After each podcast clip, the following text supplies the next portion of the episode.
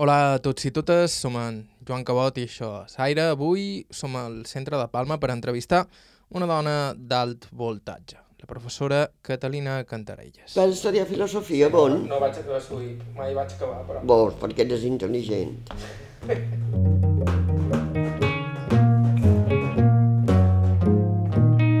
Cantarelles ha estat una històrica professora de Història de l'Art, un departament que ella va contribuir a posar en funcionament.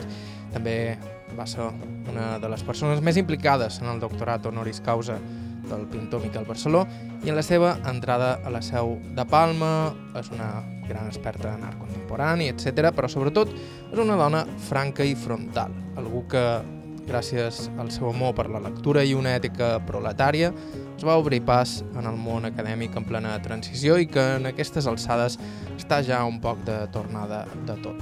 I això implica que diu el que li passa pel cap i que el programa d'avui serà d'aquells especialment divertits. Estau escoltant Aire a IB3 Ràdio. Us parla Joan Cabot. Començam.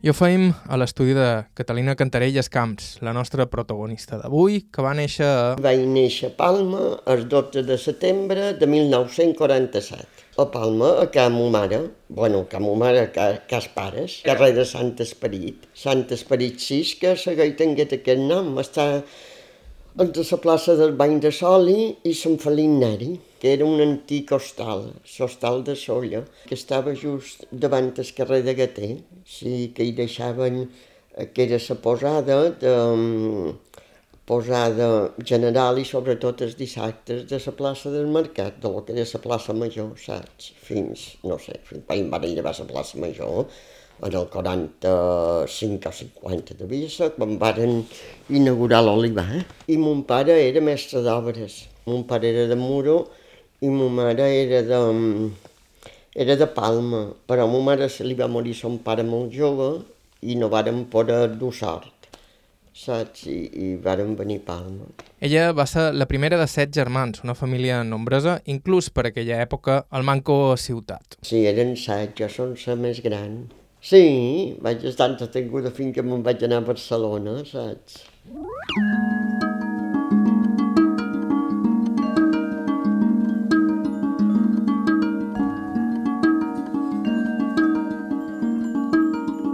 Mon pare era una persona molt infantera, feia moltíssima de feina, entens? Perquè eh, va dur en els fills a, a, a, al lloc de dur-los a col·legis, que tampoc n'hi havia molt, escoles públiques els va dur a escoles de, que havia de pagar i no era fàcil, que quasi no van tenir beques de metge. I ma mare feia moltíssima de feina, era menys infantera, supos que per l'agobiada que estava.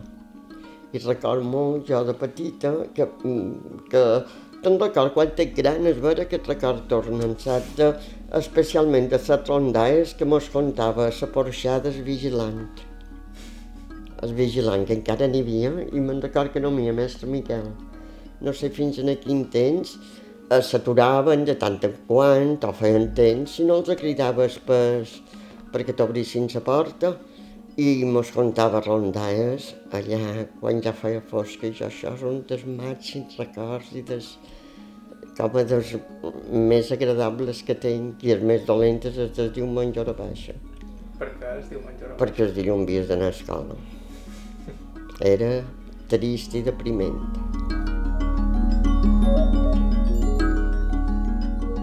Els meus pares tenien molta família i vivien en general, bueno, vivien a diferents eh, indrets, però algun d'ells tenien possessions eh, bastant grans i eh, eh, solien baixar a Palma, els, di els dissabtes sempre baixaven si tenien hort, i la família, i els amics, i llavors amic d'una germana, amic de l'altra, sempre eren molts a dinar casa nostra, saps? No, perquè s'apuntaven les amigues, amigues més que amics, quan eren petites, fins als 12 anys o 12, saps? I, i bueno, i a vegades érem 20 i dinàvem per etapes, qualcú se presentava quan ja havien dinat i dinava, i sí, hi havia molta, molta gent sempre. Però a ma mare no, no li sabia com a greu, no? Jo recordo que quan varen venir de Barcelona, les amigues se varen quedar poca vegades que li diguessin quin tipus de sopa vol tu, grossa, petita, aquesta variant o aquesta altra, perquè tot actava i elles deien, però què és això? i, i se menges plat a casa meva, entens? A, a casa seva, que eren, també que dir, que eren burgueses, qualcuna de classe alta, diu, hi ha un plat, la cuinera el posa i no tenies, i no tenies el menjar que vols, que el que hi havia, esclar. Sí, de petit, sí, va ser sempre molta gent. El terreny geogràfic de la seva infància és el centre de Palma, sobretot uns carrers que vorejaven el barri xinès, amb la seva fama marginal. El barri, el, el barri, jo ho vaig saber quan tenia 16 o 17 anys i vaig dir que no, era tan beneita, el barri estava dins la zona del barri xina, o xinès, diríem avui, saps? Tot el que era carrer Ballar i tota aquella zona, saps? I jo no en tenia mai perquè no mos deixaven anar a passejar pel barri. Només excepcionalment podíem anar a la plaça Major, que llavors era guapa, i tenies quatre safretjos, que era una delícia, tocar saio, saps? Uh, un pot de, de berta de vora, i com que l'hostal era molt gran també, sempre hi havia gent a casa nostra i jugàvem allà, teníem molt de puesto per jugar a pilota, era peu pla, només es, els dormitoris i, bueno, les sales és un dia entès, el que va, el que llavors varen convertir en sales estaven en el pis de dalt, saps? En el primer, en el segon i en el tercer. Com que era enorme, jugàvem per allà, jo no sé quant de metres tenia, però era una cosa... Te podies amagar, en el final hi havia una cisterna, mos pujàvem per les taulades, saps? Havien canviat taules, perquè hi podíem anar més o menys a peu pla. L'espai va ser molt, molt hermós, saps? Perquè a mi m'agrada, sempre m'han agradat els espais grans.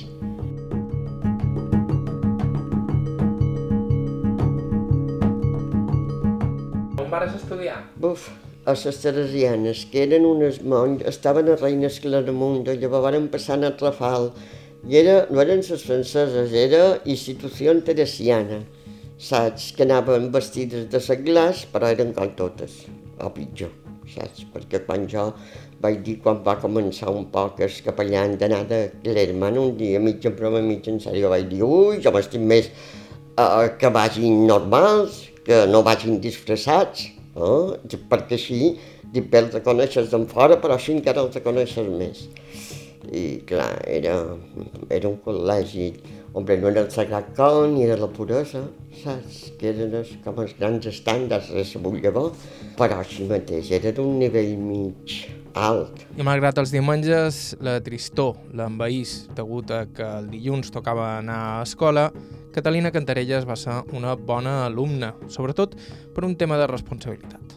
Això i el seu amor per la lectura, una afició que se li va despertar ben prest i que també servia com a forma d'evasió d'aquella vida un tant crisa i tapada de la postguerra. Perquè comprenies lo de ton pare i ta mare, no? I veies els germans petits, i més o menys així me donaven bé, perquè estudiava molt, no te pensis perquè fos super, super llesta, eh? però estudiava molt. De fet, jo no vaig estudiar història de l'art, saps? Jo en el seu moment a Barcelona vaig fer arqueologia i filosofia pura. I història de l'art hi vaig entrar com un poc per tot. No? A mi el que m'agradava era la literatura, però per circumstàncies de la vida vaig fer arqueologia i vaig fer filosofia pura perquè a mi m'agradava. Això va ser selecció, saps? I llavors me vaig dedicar a la història de l'art perquè vaig entrar a lo que era la universitat, que estava a l'estudi general Luli en aquell moment, saps? Quan depenia de Barcelona. I ja està, sí que volia estudiar, era...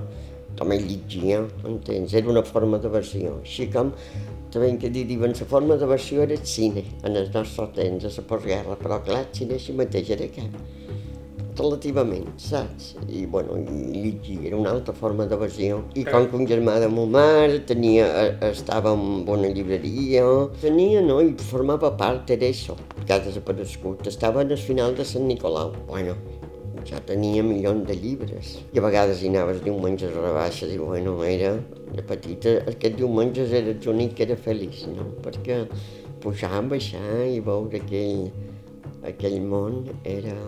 De petita llegia molt, llegia de tot, llegia el que me venia d'abans, llegia, eh, pues jo que sé, llegia bastanta poesia, quasi més que ara. I llavors llegia, jo que sé, me va llegir tota la literatura barroca, tot el teatre, tot el 98, eh, en castellà i d'aventures i aquestes coses que se les llegia, jo això, els clàssics, els he llegit després, no, no de petita. Jo me'n record que en un amuno estava prohibit. Jo vaig anar a la biblioteca pública a treure un amuno, no sé si el sentimiento trágico de la vida, ara ja no me'n record. Jo ja tenia 16 anys i era un llibre prohibit. I llavors també tenen en compte que fins, fins no sé quant, tots els llibres que coneixíem a través, clar, a vegades en aconseguies antes de 16 anys indirectament de, de prohibit d'editorials americanes, eh, sud-americanes, llatinoamericanes, però tenen en compte que molts eh, arribaven guillotinats abans de llevar Entens? Tu llegies obres i llavors resulta que si llegies 100 pàgines en tenien 500. Així tot, ella tenia contactes i podia accedir a llibres difícils de trobar, però no sempre era fàcil llegir el que volies. Jo, en el meu cas, també que dir, ses mm, classes, classes burgueses devien tenir una altra via, entens? Però jo era classe proletari. Eh? I, bueno, doncs, gràcies als contactes de, pues, de germà de ma mare, entens? Que, que a vegades deia això no és per tu, però bé. Ten en compte que Logos, que tu no te'n deus recordar, és el primer que va importar coses eh, rares, bueno, rares. Rares vull dir que no se trobaven normalment i, i literatura, i determinada literatura. Eh? I era, no ho sé, jo és que mai vaig llegir com a el que tocava. Allò de l'escola, de vida de sants i vida de no sé quines coses, que que te llevaven la son, que eren com una, que eren com un sadisme, no? I que deies, per què? És que tothom deu contar el mateix, que té 70 i pico d'anys, les monges que siguin, no? Lectures de la nina que li fa molt de mal l'orella, un malè. I jo sabia el que era mal d'orella perquè la meva germana segona, que dormien juntes, tenia mal d'orella freqüentament, i és molt dur mal d'orella. bueno, pues que per sacrifici se posava de la banda de l'orella perquè li fes ben mal. I tot aquest món, és dir, no l'entenies. Era, era una cosa per tu tan irracional, saps, que, que havies d'escapar per qualque via. Igual, falange, entens? Eh, eh, tot era pecat, eh, eh en els deu anys amb màniga cisada, no tiranys, amb màniga cisada, te deien que feies un pecat mortal, és dir, e, era un món realment molt, molt, molt opressiu. Eh? Tot eren negacions i el silenci, el silenci, jo el record. Era etern. I per què això? I per què no sé què? Jo me'n record que quan vaig... Eh, jo vaig començar a fer feina en els 16 anys i, telefo i, i feia feina a diferents llocs, entre ells en el Museu de Mallorca, quan feia preu, a... sí, llavors se deia preu. I, i, i telefonava per tot, a Barcelona i el que fos, per aconseguir sobre d'en Bernanos els grans cementaris eh, de Montserrat i Maden, és dir, era, era un món, entens, saps? Llevan a 73, era, era, va ser molt dura, molt dura aquell temps, el silenci, la por que se tenia la policia la Guàrdia Civil, no sé què era, tot era igual, sempre ha estat igual, per jo mai he conegut els cossos uns o l'altres. Tot era por i silenci, por i silenci. I supos que especialment si eres una dona i si eres una dona espavilada. Jo d'això me n'he donat compte més tard, fixa't. Jo eh, eh, a la quotidianitat no em vaig fer molt d'aquest, sí que vaig tenir problemes pues jo no sé quan vaig acabar, en els 21 anys, pues, uh, quan anaves a segon quins arxius, que llavors no era tan freqüent, particulars, que te deien, però nineta, tu què fas amb això? Entens? Uh, ja que nineta ja és tot un món, coses que tu no te deixaven i llavors li deixaven un home, a un al·lot, saps? I de gran n'estan més conscient, quasi, que de jove, que te perdonen menys. En aquell temps, a Barcelona, érem més o menys mitat i mitat en els cursos comuns, saps? Perquè en els, eh, hi havia cursos comuns i especialitats. Els comuns era el que feien tots, fes la carrera que fessis, saps? I llavors l'especialitat era el que triaves. Les especialitats realment eren molt pocs, arqueologia, en els meus curs hi devia haver 10 persones, eh, a filosofia n'hi havia 12, es diuen els comuns estaven més o menys en parella, però clar, sempre eren entre lots, si el delegat de curs, per exemple, segons quins professors els donaven els exàmens per repartir, que els tornaven, si eres dona te deien, i com és qui ets tu que t'han posat aquesta nota tan alta? I jo mai ho vaig sentir dir en lot, qui ets tu que t'han posat aquesta nota tan alta, que tampoc era tan alta, saps? A lo millor era un 8, no, no, no te pensassis que eren gran coses. Però sí, és, és, és més difícil, i inclús ara, entens? Jo ara fa estona, però jo no em creia i me deia una amiga, fins que ho vaig tocar. Diu, ves un mecànic tu, i que hi vagi un home. I veuràs la diferència segons quin problema tinguis. I d'això n'he estat molt conscient quan estat més gran. De jove no, perquè supos que no em feia ni mica de cas, entens? I com que era, passava i els contestava malament i no, no me'n donava com a compte d'aquest entorn, saps? Però llavors sí. Escoltàvem Catalina Cantarelles, catedràtica de Història de l'Art de la UIB, en uns segons els seus anys a Barcelona. Estau escoltant Aire a IB3 Ràdio, fem una breu pausa i continuem.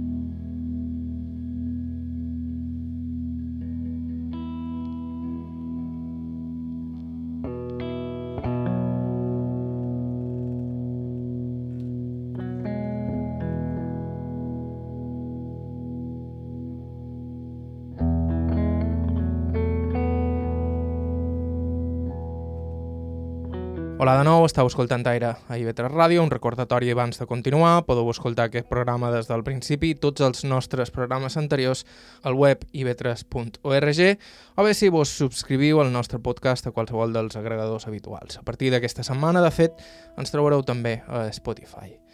La protagonista del programa d'avui és la catedràtica Catalina Cantarelles, que ens ha parlat ja de la seva infància i precisament ens hem quedat en el moment en què Cantarelles iniciava els seus estudis d'arqueologia i filosofia pura a la Universitat de Barcelona.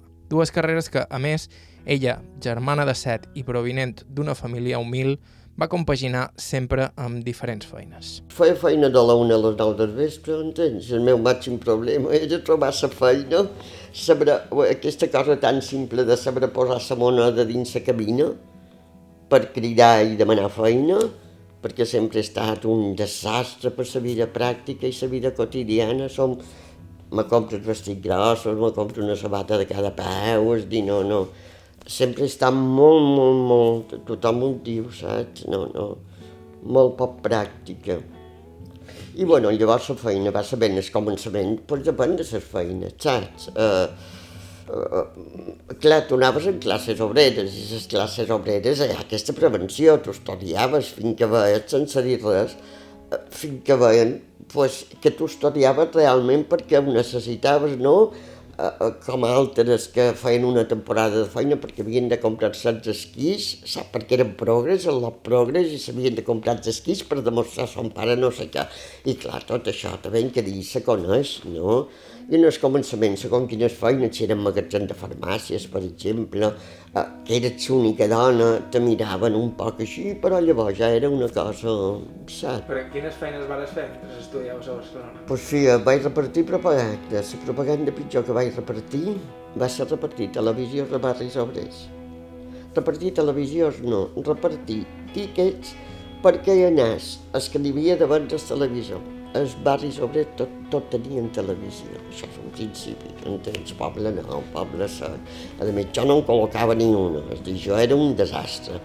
Però una lota se queda cap me va com ajudar quan no havia fet cap, perquè si no te traen, me deia, vinga, jo te'n faré un parell. Supos perquè també eren solidaris, també, que d'una vegada van dir que se quedin dues a l'oficina, i clar, jo tenia màquina molt millor, molt més ràpid que l'altra. I me va dir, ai, jo no puc seguir més en la feina, digues que he fet jo, i tu deies, ah, vale, pues ja diré que vas fer tu. O sigui, saps, en el món obrer, no... Pues això vaig repartir propaganda, eh, vaig donar classes particulars, no sé què més vaig fer, vaig fer en, eh, feies enquestes a l'Institut d'Estadística, això estava molt bé, no ho sé. Ah, guardava nins, això era una gran sol·licitud, guardar nins, jo que no he estat molt infantera mai, però... I la vida social? Tenies temps? Sí, sap per què? Perquè quan menys tens temps és quan te més.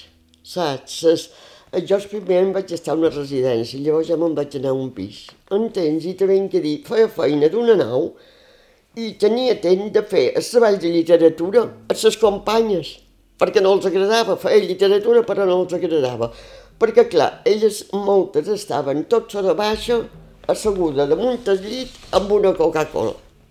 Perquè com que tens temps infinit, i això també te passa ara, que quan tens, avui, tinc eh, vuit setmanes per fer aquest article. Uf! Què te va agradar més de Barcelona? O... Tot. Sobretot me va agradar que podies anar pel carrer, podies plorar, podies riure i ningú t'hi deia què te passa.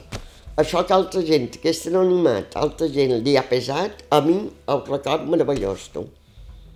A més, a Barcelona mai, veure, mai vaig veure cap mallorquí. Totes les meves amistats eren catalanes. Tothom me deia, he conegut un mallorquí meravellós. Dic, jo ja els tinc, tota la vida els conec com si els hagués parit, no vull veure cap.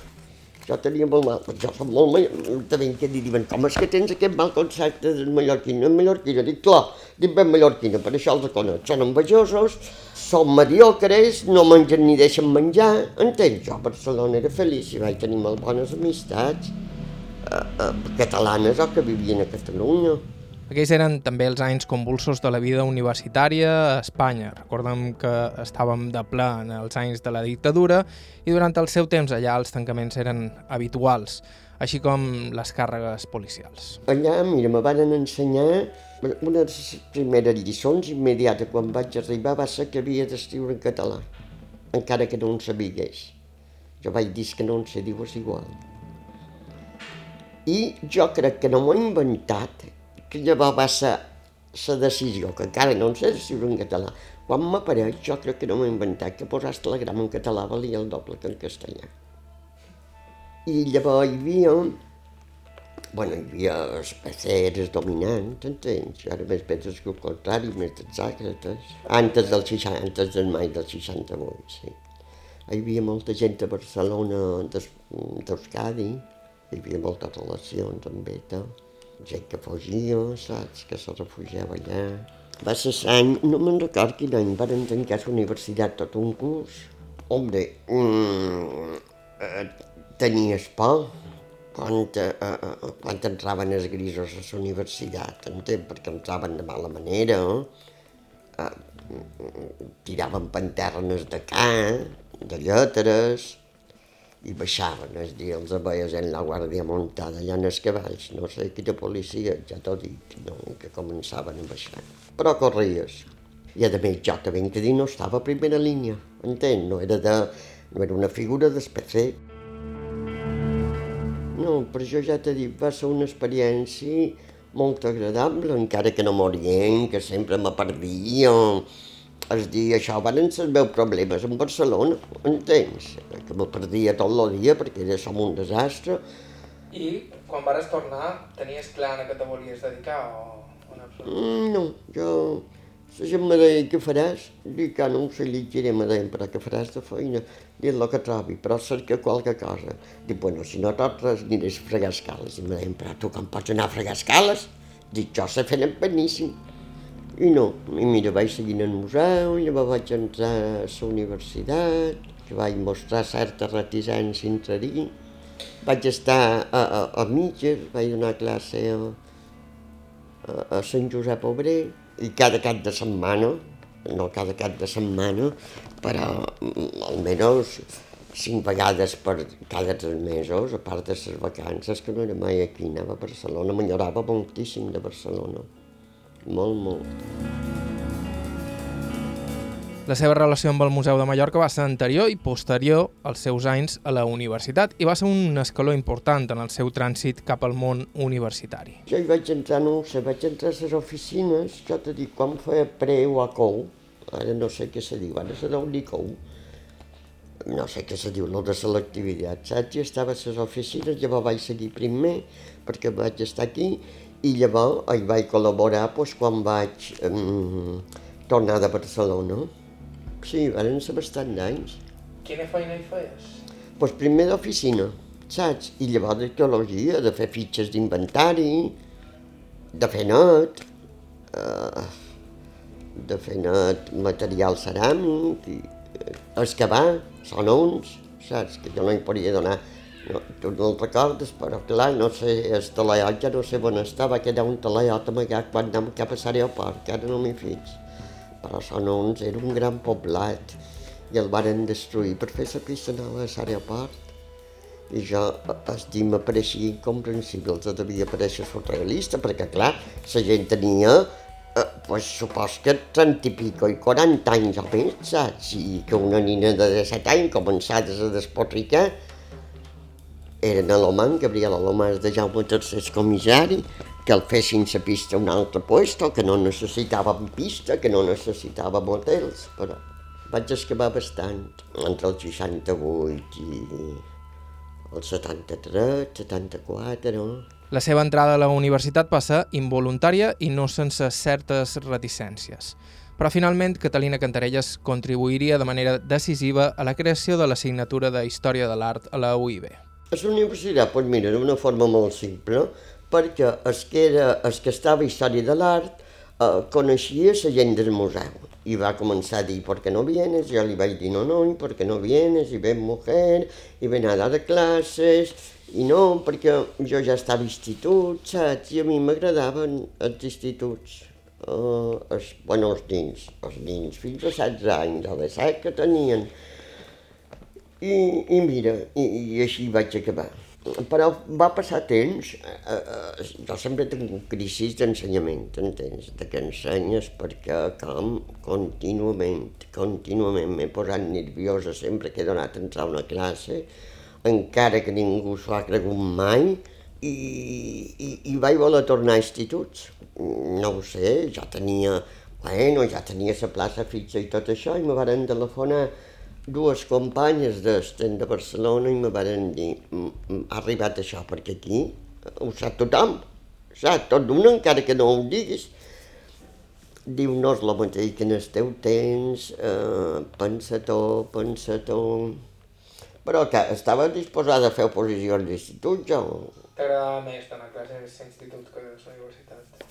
En els atents, sí, saps? Atents, sí es, a temps te fa, no sé, aprens que com menys sap més, bé, com menys saps el tema, com menys sap més creativa és, és dir, la creativitat és bàsica per l'ensenyament, entens? I llavors, això de la quantitat dels coneixements és tan relatiu, tan relatiu, i a vegades no te'n dones com a compte, saps? A més, institut jo donava llatí, llatí que m'agradava moltíssim donar-lo, perquè el van ensenyar molt malament i vaig aprendre cons, ensenyaves llatí, quan te'l vaig donar, i donaves literatura, i donaves geografia, i donaves... Jo sempre m'ha agradat canviar, no... Si dones sempre el mateix, no... Tot que no te renoves. Com eres món universitari, llavors? Ui, una bassa d'oli, una bassa d'oli era. Bueno, com ara, no era tan bassa d'oli, perquè ara està morta, ara està morta, saps? Érem familiar, l'assessori general volia ja un espai petitó, saps? Llavors vàrem passar som ferits, i ser més o menys familiar, encara que primer tenies d'haver 80 alumnes. I, i, i bueno, les inquietuds s'han com perdut, els han acallat un poc, varen començar a poc a poc, ja preparant el terreny, el pensament únic, de l'autoritat no se discuteix, de l'únic important és fer paper, res més, i ple d'haver vuit hores per fer un paper, així no pensaràs, entens? I això és com a terrible, hi ha gent que, que diu que els joves són mm, com a, que passen de tot i que no sé què, i no ho sé, jo sempre els defens, perquè quina motivació tenen avui. Es jo me'n record que era a Madrid quan vàrem fer Mario Conde honoris causa. El varen fer doctor honoris causa i vaig pensar, no sé quant d'any fa. Oh, I ja em, vaig dir, què els has d'ensenyar? Amb aquest exemple, quan no estava imputant ni res, era el guaperes. Entens? Què els has d'ensenyar? Si fan en aquesta persona honoris causa que és un doll aquest reconeixement, per això és un doll, entens? Però hi ha gent que és important on es carrer aquí, doctor honoris causa, és dir, què els estàs ensenyant? Quin és el, el, el mirall? Que els diu l'esforç, que esforç, per què? Quant a la creació de l'assignatura de Història de l'Art, Catalina Cantarella recorda que... Eren dos, érem el catedràtic i jo, saps? I llavors aquí vàrem posar Història de l'Art, un poc ens vàrem empenyar, vàrem posar història de l'art, vàrem pues, lluitar bastant per posar els estudis, saps? Els alumnes van ser molt, molt col·laboratius, saps? Sempre els alumnes són la gran, és, és el gran aliment.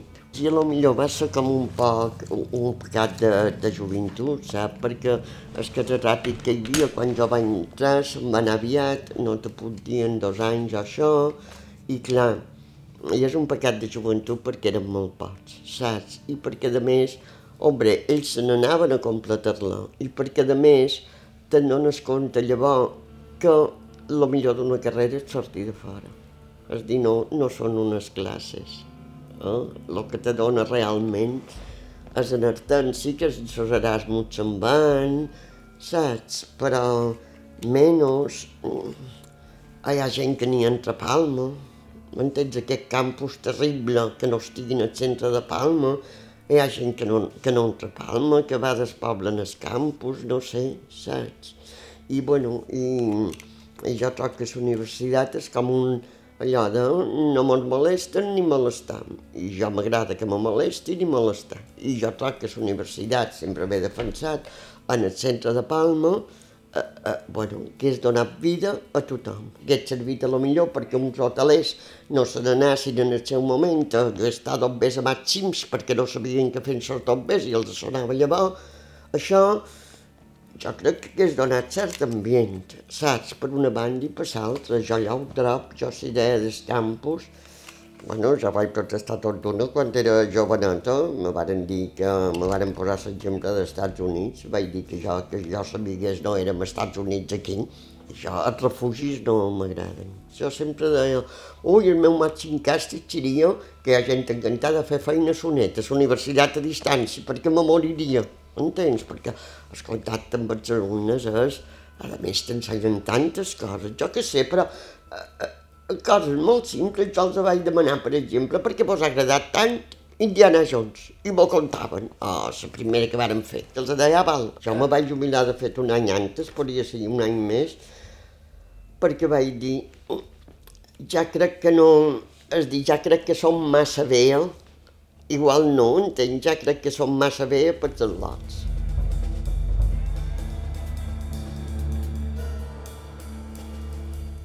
Era Catalina Cantarelles, professora d'Història de l'Art de la Universitat de les Illes Balears, explicant precisament com va contribuir al naixement d'aquest departament. Fem una breu pausa i en uns segons escoltam la intrahistòria de com Miquel Barceló va acceptar ser investit doctor honoris causa i de retruc va entrar a fer el seu desitjat moral a la seu. Estau escoltant TV3 Ràdio, això és Aire, tornem en un minut i mig.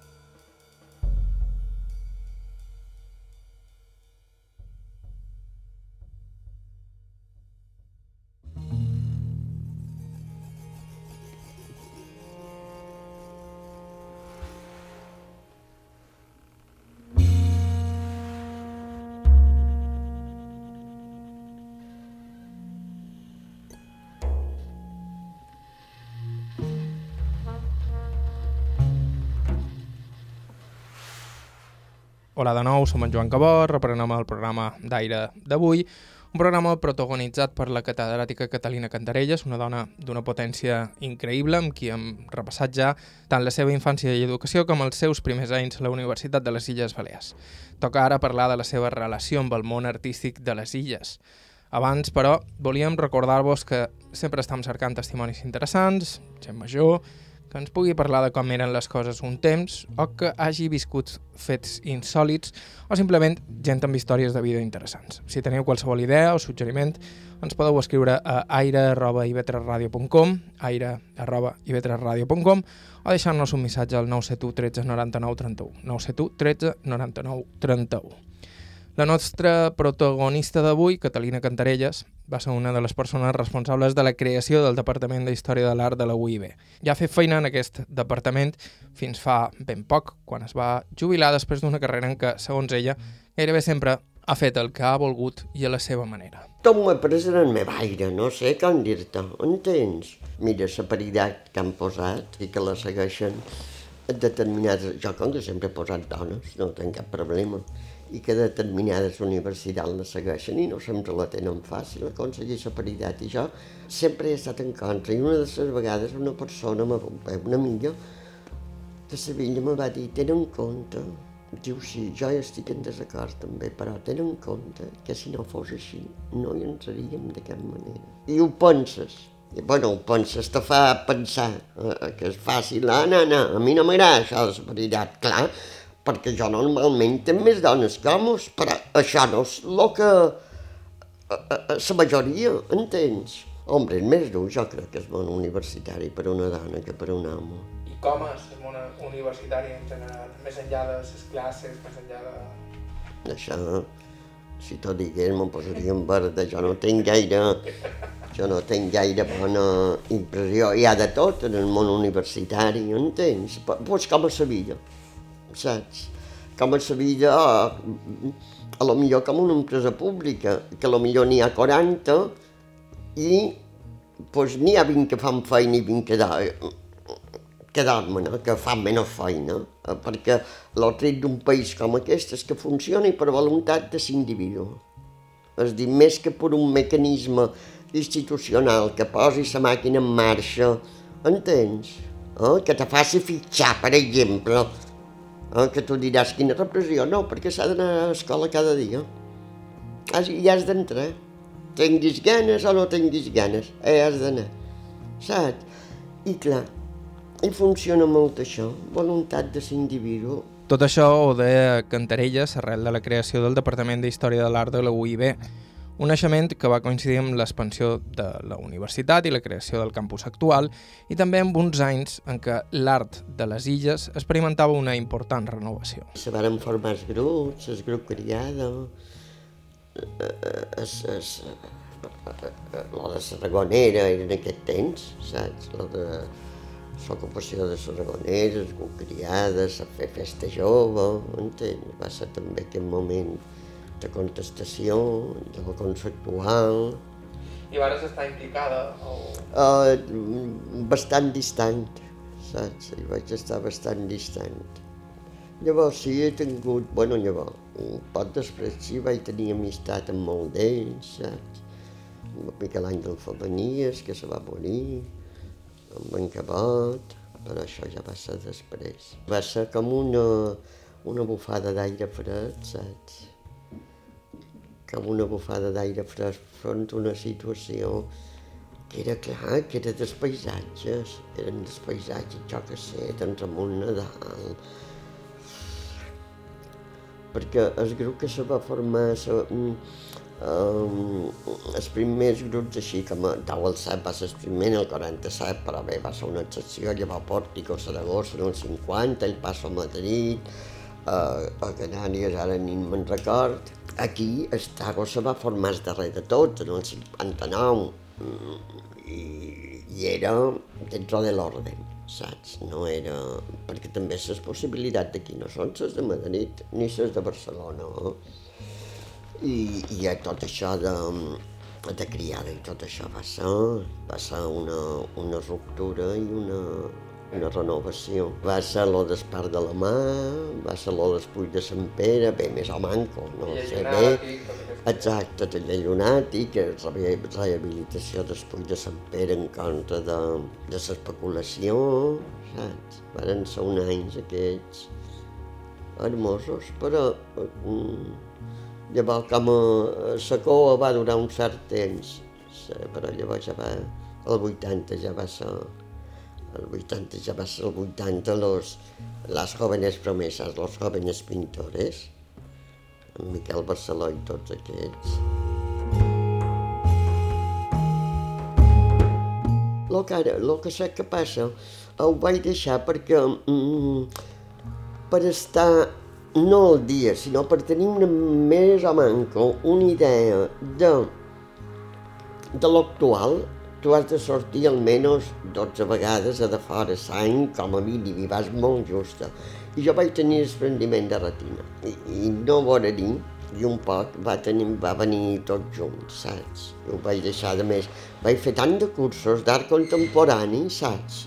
Tants a tant de puestos que ja deia que un moment donat, perquè clar, el contemporani era no me lo cuentes, entens? Eh? Que a vegades, després de 15 anys o 20, no sé què em van dir, mira, dic, tinc ganes de tornar a Gràcia i Roma, un moment donat, saps? Perquè tant, eh, eh, com que tu no ho havies vist mai, entens? I, i deies que s'havia de veure, que s'havia de donar, i te demanaven cursos, i tu els organitzaves, i realment hi havia gent interessada, però eh, que llavors a vegades necessites com a descansar i ara eh, s'hi hauria de tornar a posar la gent perquè ara ja fa bastant de temps l'únic que interessa és la medieval que n'hi ha algun que se pensen eh, o hi ha algunes que era una societat idíl·lica i que tot era maravilloso com pensaven els inglesos reformistes de finals dels de nou, saps? O de mitjans des de nou. Aquest de tornar, saps? Tornant al passat, de refugiar-te. I el món medieval, clar, en el món medieval encara a vegades s'arrastrava lo del punk un poc, i lo dels negres, i jo què sé, llavors va passar, però ja t'he dit, se, se, ara s'hauria de tornar a fer això, una altra, uh, una altra així com a s'empenta. Bueno, cap a, sempre procures fer s'empentes cap a lo més desconegut, entens? No, no, dir lo contemporani, perquè en general és el que la gent té més reticència. Cantarelles i el seu departament van ser una peça essencial en la investidura com a doctor honoris causa del pintor Miquel Barceló, una investidura per a la qual el Falanitxer va posar com a condició la seva intervenció a la seu. Una intervenció que va acabar concretant-se en la creació del seu cèlebre mural. Un pot se va fer la seu, va fer la capella la seu, un pot va posar, de fet, aquesta condició per ser doctor honoris causa, fer qualque cosa a la seu, que primer havia de ser una exposició, la seu era inabarcable i llavors se va convertir en això.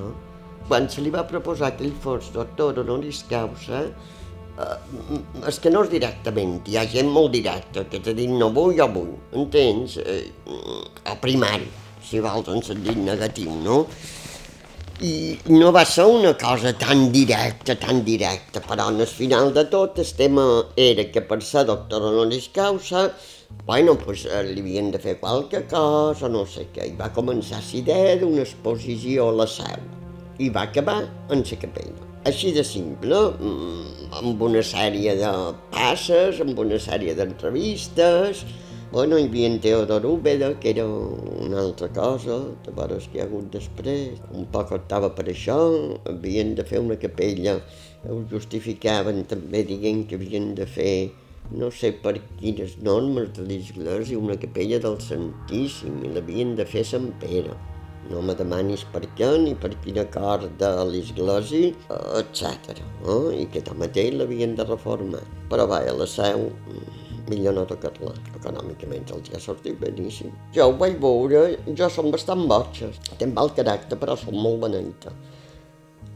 I jo ho veia amb els ulls, jo de sobretot pensava en els vitralls que va voler fer Miró i que no li varen deixar fer.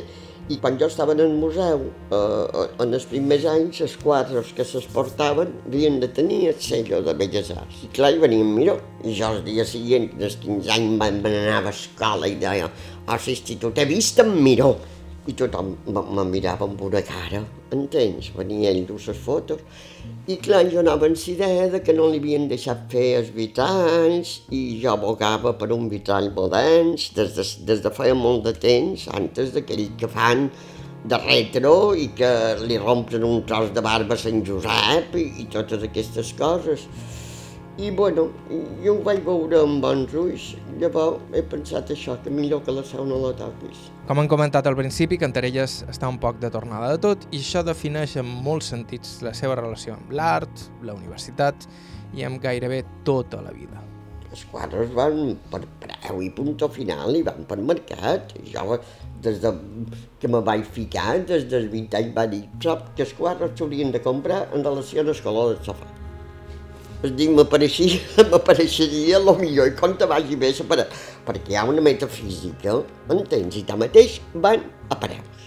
O ets, uh, uh, uh, ets bueno, un pària, o som com tu i com jo, o com jo, burguesia mitja baixa, i te compres el que t'agrada fins a un cert moment, oh?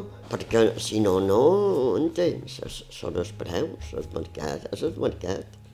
Si jo quan vaig, eh, quan he anat a un notors d'espai, he hagut d'anar a un notors d'espai de notari per Déu meu, no podrien dir-li qualcú a consell, perquè no sé si t'hi has fixat. Tenen un quadres tan, tan, tan dolents. Plans, tot, tot, que no tots són regals, entens? Perquè allò està pla. Què dius, per favor? Conformam jo Eh, això també és un dels problemes del campus que ha contribuït que la societat està allunyada. Eh, la universitat i la societat no, no se troben, ni la universitat dona resposta a la puntual de la societat, la societat passa i jo crec que el motiu en part en temps. A, a, altra formes en els alumnes és inquietud, però llavors, a, eh, clar, a moment donats, els dius la veritat cosa que jo solia fer, eh, fer fa dos anys, i els desanimes. Entens? Oh, els dius tot serà meravellós. I jo no ho sé, el camí no serà meravellós. Jo sempre només els he sabut dir, fe, si tu tens qualque cosa que t'agradi, o oh, clara, fe-la. Fe-la. No facis cas que no trobaràs feina, no facis cas de res perquè si fas una cosa per trobar feina, segurament no en trobaràs, i si no en trobes, la frustració serà total. A més, el màxim capital de la vida no és tenir pisos, no és tenir propietat, no és tenir d'on més. El màxim capital de la vida és el que tu inverteixes en tu, el que t'agrada fer, entens? Si t'agrada perdre temps, jo què sé, fent ran de flors, i ho consideren pèrdua de temps, doncs fer ran de flors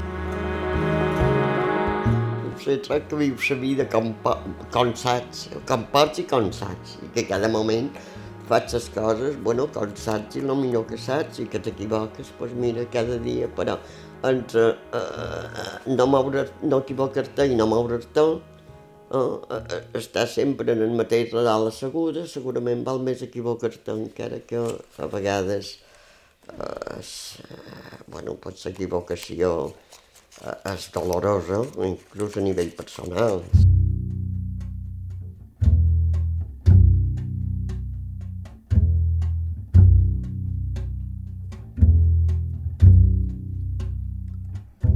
I fins aquí el programa d'avui. Moltíssimes gràcies a Catalina Cantarelles pel seu temps i amabilitat i gràcies a Paco Mulet, que va ser qui ens va suggerir aquesta entrevista. La música que ha sonat en el programa d'avui ha estat de Joshua Abrams, Jacob Bro, Marissa Anderson amb Jim White i Chris Speed. Podeu escoltar aquest i tots els nostres programes interiors a ib3.org i també vos podeu subscriure al podcast d'Aire a gairebé tots els agradadors disponibles. El nostre correu electrònic és aire.ib3radio.com i també ens podeu deixar missatges al 971 13 99 31. Bàrbara Ferrer, la producció executiva, vos ha parlat Joan Cabot. Gràcies per ser a l'altre costat i fins la setmana que ve.